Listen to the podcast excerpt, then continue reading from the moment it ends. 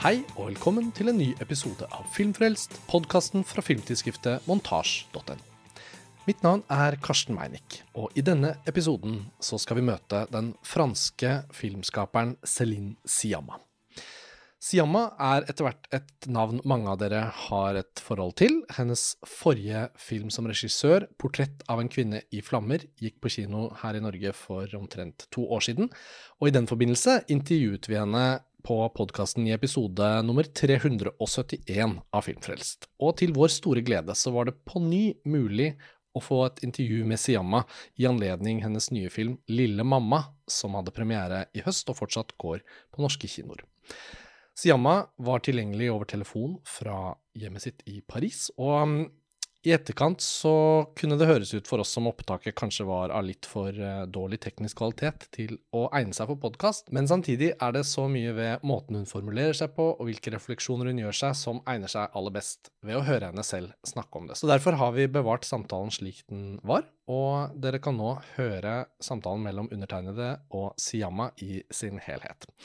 Lille mamma er som sagt hennes nye film som regissør, men Siamma hadde også premiere i Cannes i 2021 på en ny film hun hadde skrevet som manusforfatter, som eh, er regissert av Jacques Audiard, som heter Les Olympiades, som vi også har diskutert på Filmfrelst for noen måneder siden. Så eh, Siamma hun kommer til å fortsette å være aktuell på montasje, all den tid vi syns det er en av de mer spennende europeiske filmskaperne som lager ny film nå. og um, i samtalen så går hun inn på noen av detaljene fra Lille mamma som kanskje noen lyttere kommer til å ønske å unngå å vite, så vi kan på sett og vis anbefale at eh, man hører på denne episoden etter at man har sett filmen. Samtidig så er det ikke en film hvor spoilere nødvendigvis spiller en så stor rolle, så det er jo for hver og en vurdere. Med det så får vi bare sette over til samtalen vår med Siamma. God fornøyelse.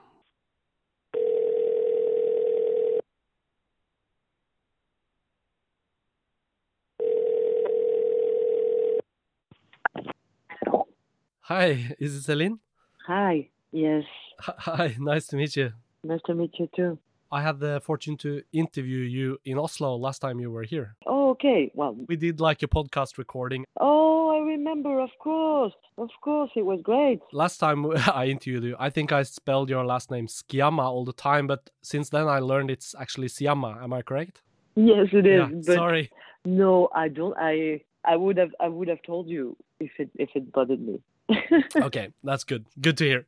So, I I really thought about different ways to start, uh, and I remember in our previous conversation we had the chance to talk about you know the development from your three first features, uh, all of them concerning young characters or, or, very young characters, and then in Portrait of a, a, Lady on Fire, it it was a maturing of some of the themes, and and and you talked so interestingly about, for example, just uh, film language wise, talking about working with uh, shot reverse shot uh, very consciously, etc. And then with Petite Maman, I felt like you took us back to a combination in a way of another way to mature as a filmmaker, but then also returning to some of the themes and uh, and working with very young actors, like from your first film. So, I guess my first question is very basic: like, where did this project come from uh, for you personally? Like, was it uh, an idea that you wanted to make earlier, but you postponed it, or was it something completely original that came out of your uh, process after Portrait? Could you tell us a little bit about the the evolution of the project? Well, yeah, that project, um, the idea of the project uh, really hit me years ago. Mm.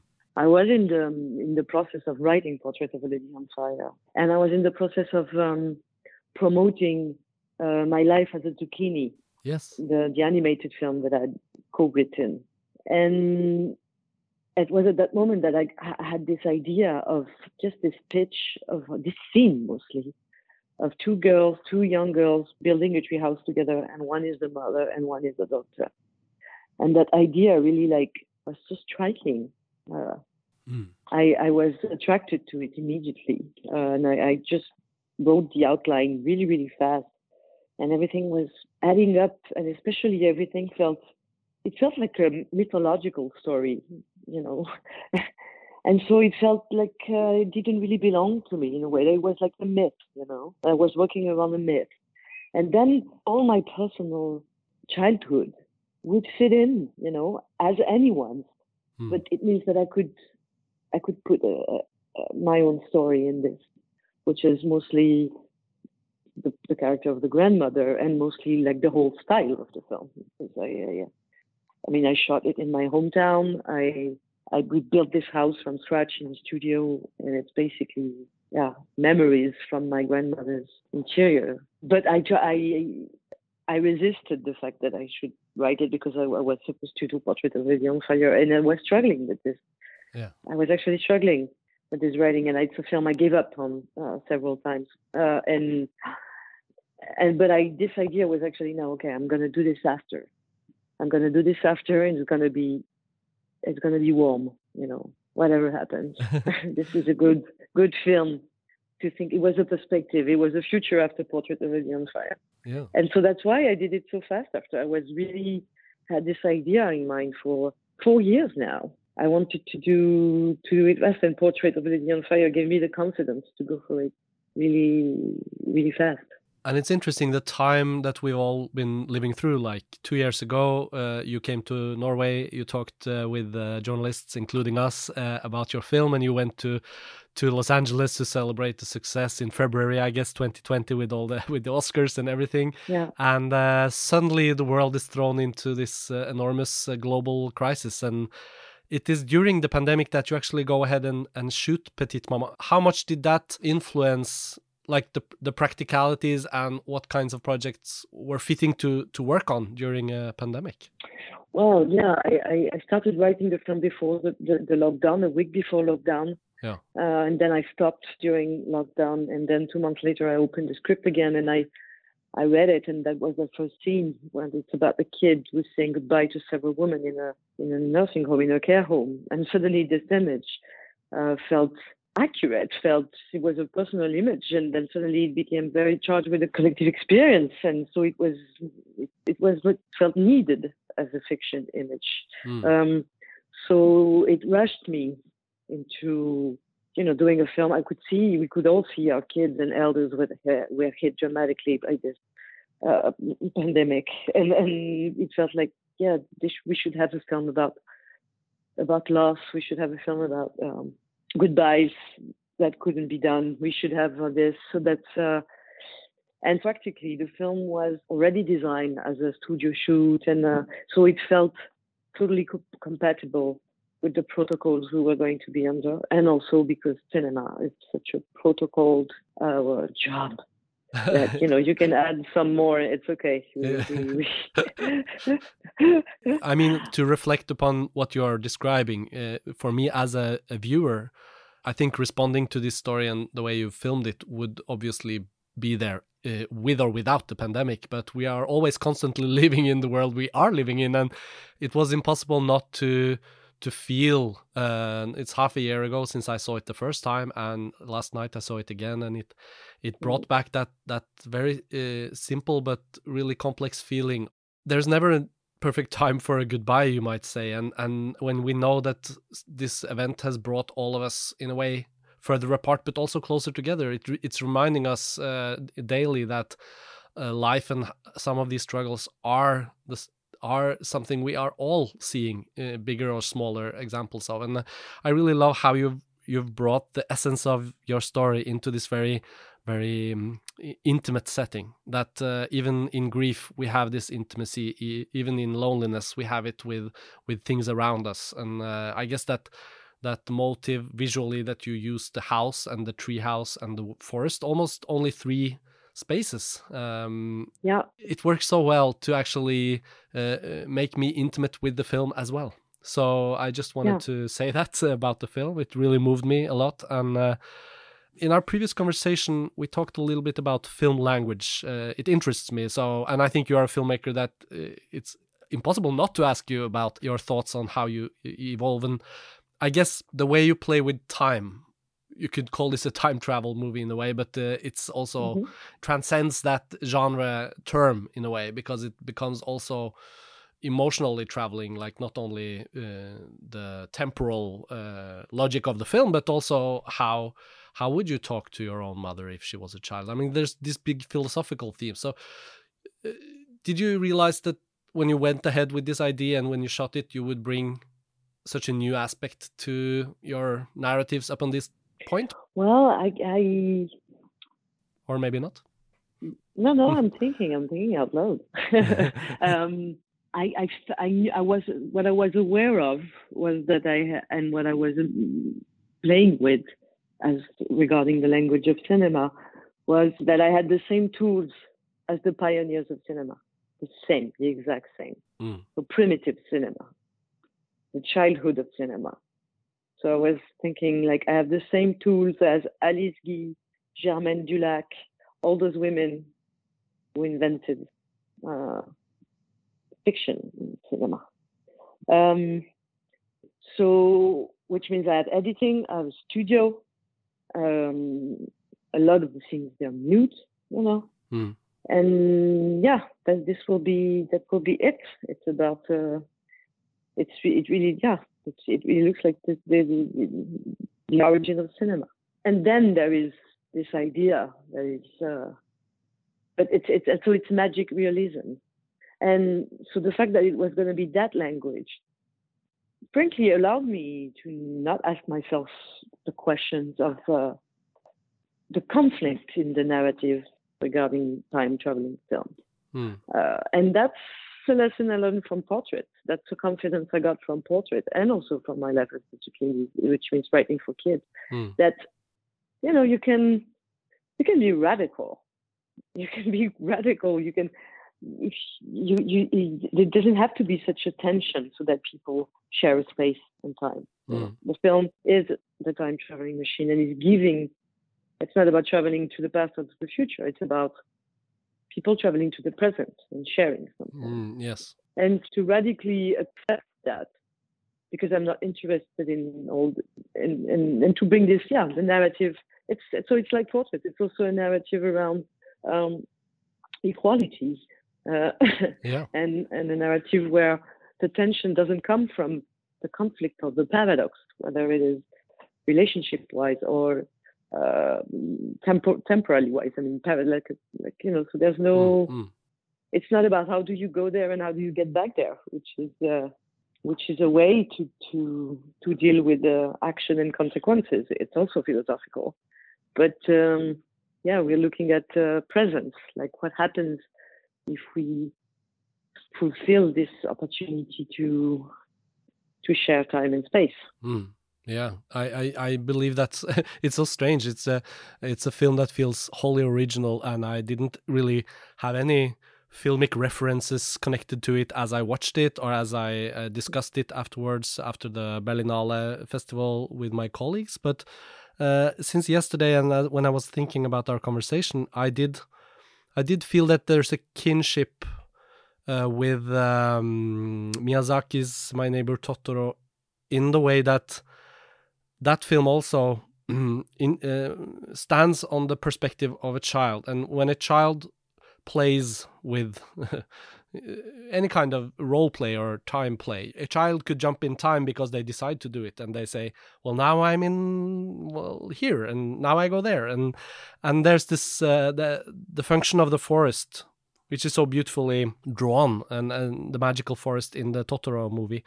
Did that film play a part in your i mean is it a film that you have a connection to? Uh, yeah miyazaki is like the, the, the only reference we used on the set i mean was gl- globally we would use uh, anime also the film was really influenced in by um, uh, Mamoru Hosoda, the, the, the, the Kid Wolf.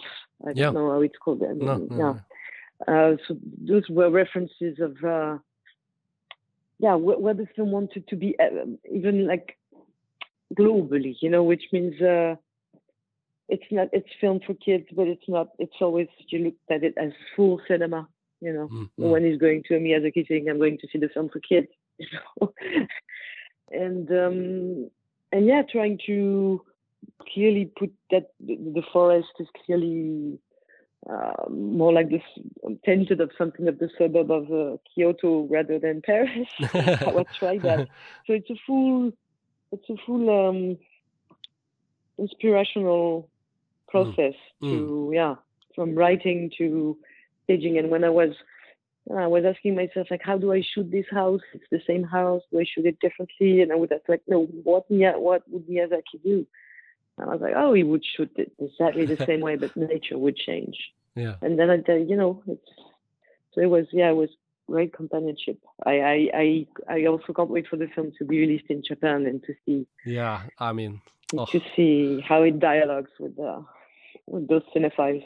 Yeah, and I really feel there's the that familiarity and connection, uh, not only in uh, you know motifs like the wood and the and the magical realism of the world that the the children are experiencing, but also the honesty towards children about uh, hard themes, like uh, mm-hmm. the the illness of the mother in Totoro is very direct and very you know unsentimental, mm-hmm. and I I believe this is one of the other echoes in your film that is not necessarily a reference, but just so many uh, storytellers uh, they sugarcoat because they think that you know for a certain kind of audience you have to package this theme and you want to say something about it but you're not really uh, brave enough uh, and uh, luckily uh, in so many of your films i feel like we have the we have the luxury to be our audience and and meet themes that might not be from our own life but we can identify with them but they are also always so honest.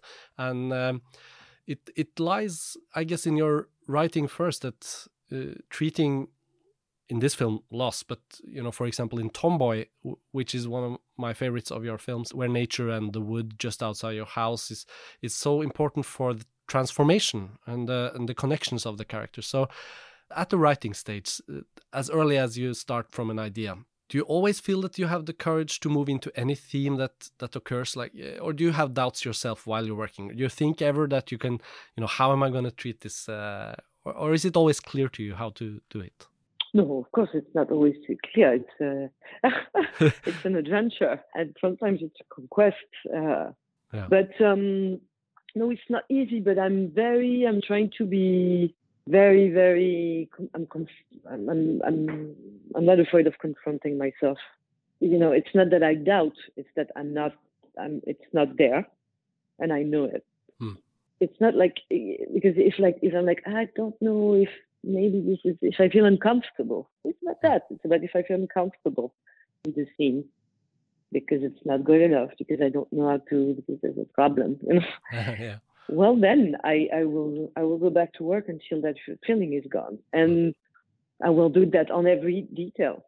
So being very confrontational, never thinking, no, but this I would solve it on set or things like that and that's something I, you know, that's always painful to do, but that's something I, I you know, not, I'm, I'm kind of, it's, it's okay for me doing it. Like, yeah. I deal with it. Yeah. I really deal with it at that stage. I'm, but, I'm, made, I'm made, I'm made like that. I'm made of that wood. It's not, doesn't mean it's good, but it's like, it, I'm, it's very, very, I'm very willingly confronting the fact that I'm not comfortable yet. Yeah.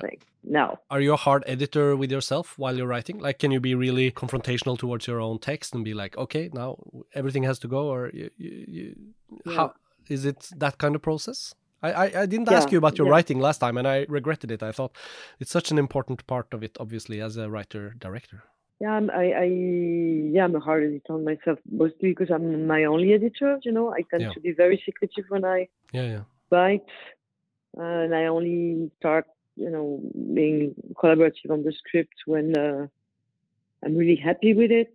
Um, and then I'm super fine with the the fact that I get confronted by other people because I'm uh, I'm strong enough to to to, to don't have too much ego uh, because mm-hmm. the, script is strong enough mm. that, that, my ego isn't uh, scream. Um, There's one thing about your collaborators that uh, feels especially important on this film, which is of course your work with these young actresses. That that there's this doppel doppelganger motive. That's of course not doppelganger, but it's uh, it's the mother and the daughter, and they they have this visual similarity, obviously, and um, your experience with working with young actors, we, we know and we've seen your your uh, success with that in your other pictures. But as you write this idea, you must feel especially uh, uh, like the casting to find these two girls that can actually uh, realize some of these scenes and some of these ideas must be particularly complicated on this project. So I guess as you as you finish up and you know what you're you're going after, how how was that process and where did you find these girls? Well, it's really not. Uh, it wasn't a difficult process. I only met oh. them. Yeah. Um, because well, because also it's my we just put an ad on social media saying we were looking for kids that age and that sisters, mm. sisters were welcome and, and twin sisters were, were welcome. Mm and you know i'm lucky enough that now people know my work so they those kids they've seen my film so they you know they're not doing they're not doing any casting they're coming to meet you which okay. uh, i you know I, I it's already some kind of uh of a will they have in a yeah. way you know they, yeah. they yeah they, they, they, they're not ignorant which is uh, you know as you keep the actors in that state of mind, yeah. you know.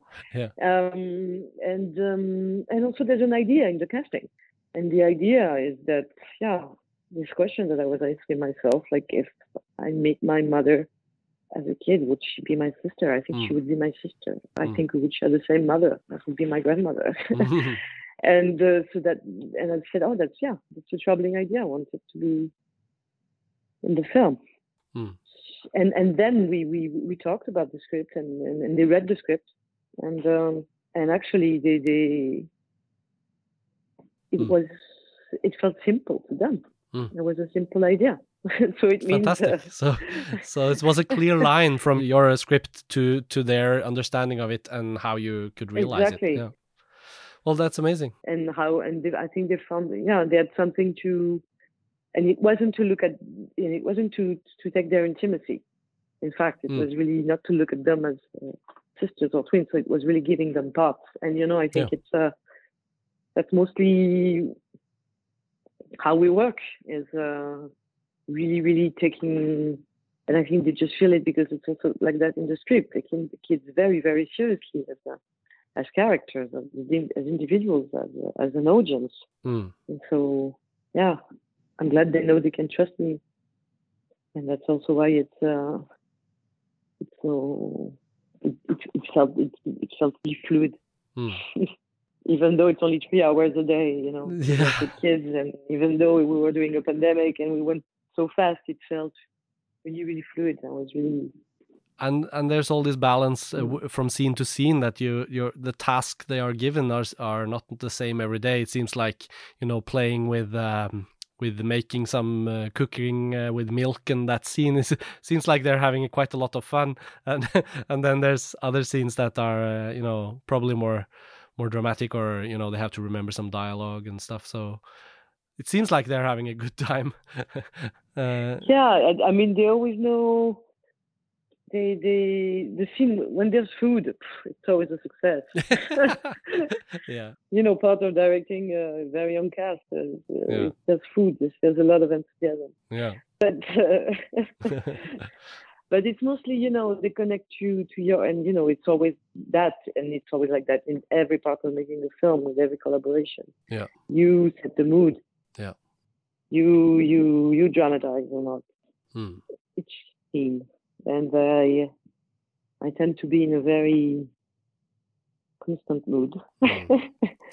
I mean, it it just uh, yeah, it's it's a kind of film that. Um, I, it feels like a little wonder to me, and I, I, it's the boring thing to just say that to you, but I just feel like I have to say it that uh, uh, the the the whole mood and the theme and how it's executed and how it plays into your whole filmography. It just felt like a gift, and I'm I'm really happy to see it released here in Norway this autumn. And um, I I wasn't really taking stock of your career in our last interview, but I did kind of ask you if the if if you felt like Portrait of a Lady of Fire marked uh, you know a new chapter like a new stage that you were going to move into uh, some some i don't know new territory or but obviously as a filmmaker there's no there's no particular rule that guides you but uh, uh in cannes this summer we also saw the your film as a writer Audiard's uh, new feature that you had co-written and um, now with uh, petite maman as well isn't i guess there's no there's no reason for me to try to pinpoint or or uh, you know dream up where your filmography is moving next. But uh, is there anything you are you are able to tell us about where you are now like personally and artistically where you feel like going? Are you are you going to shoot quickly in more projects or you feel like you're going to take longer time to develop something of a different kind of film? I think i will do both. Okay uh, I'm I want to experiment. I think I'm uh, you know I've known uh, the the the kind of uh, accomplishment that uh, you know settles you in an industry. So it's a mm. thing you know once. Now I want to experiment something else. I'm glad that I got to experiment it. Mm. It's a relief that uh, that now I don't I don't have to anymore. Mm. Cause, I'm, I'm I'm glad I, I, I met that feeling, but now, you know, it will never happen uh, again. So, yeah, experimenting different types of projects and, and, and times. Celine, Sciamma, we are here waiting for your films as always. Uh, it feels uh, like such an amazing thing to have a new project from you as soon as this. And thank you again so much for taking the time. And, you know, hope to meet you for your next uh, round of interviews when time comes and another film is on the table. Thank you very much. It was really nice talking to you. Yeah, nice talking to you See too. next time. See you. Bye. Bye.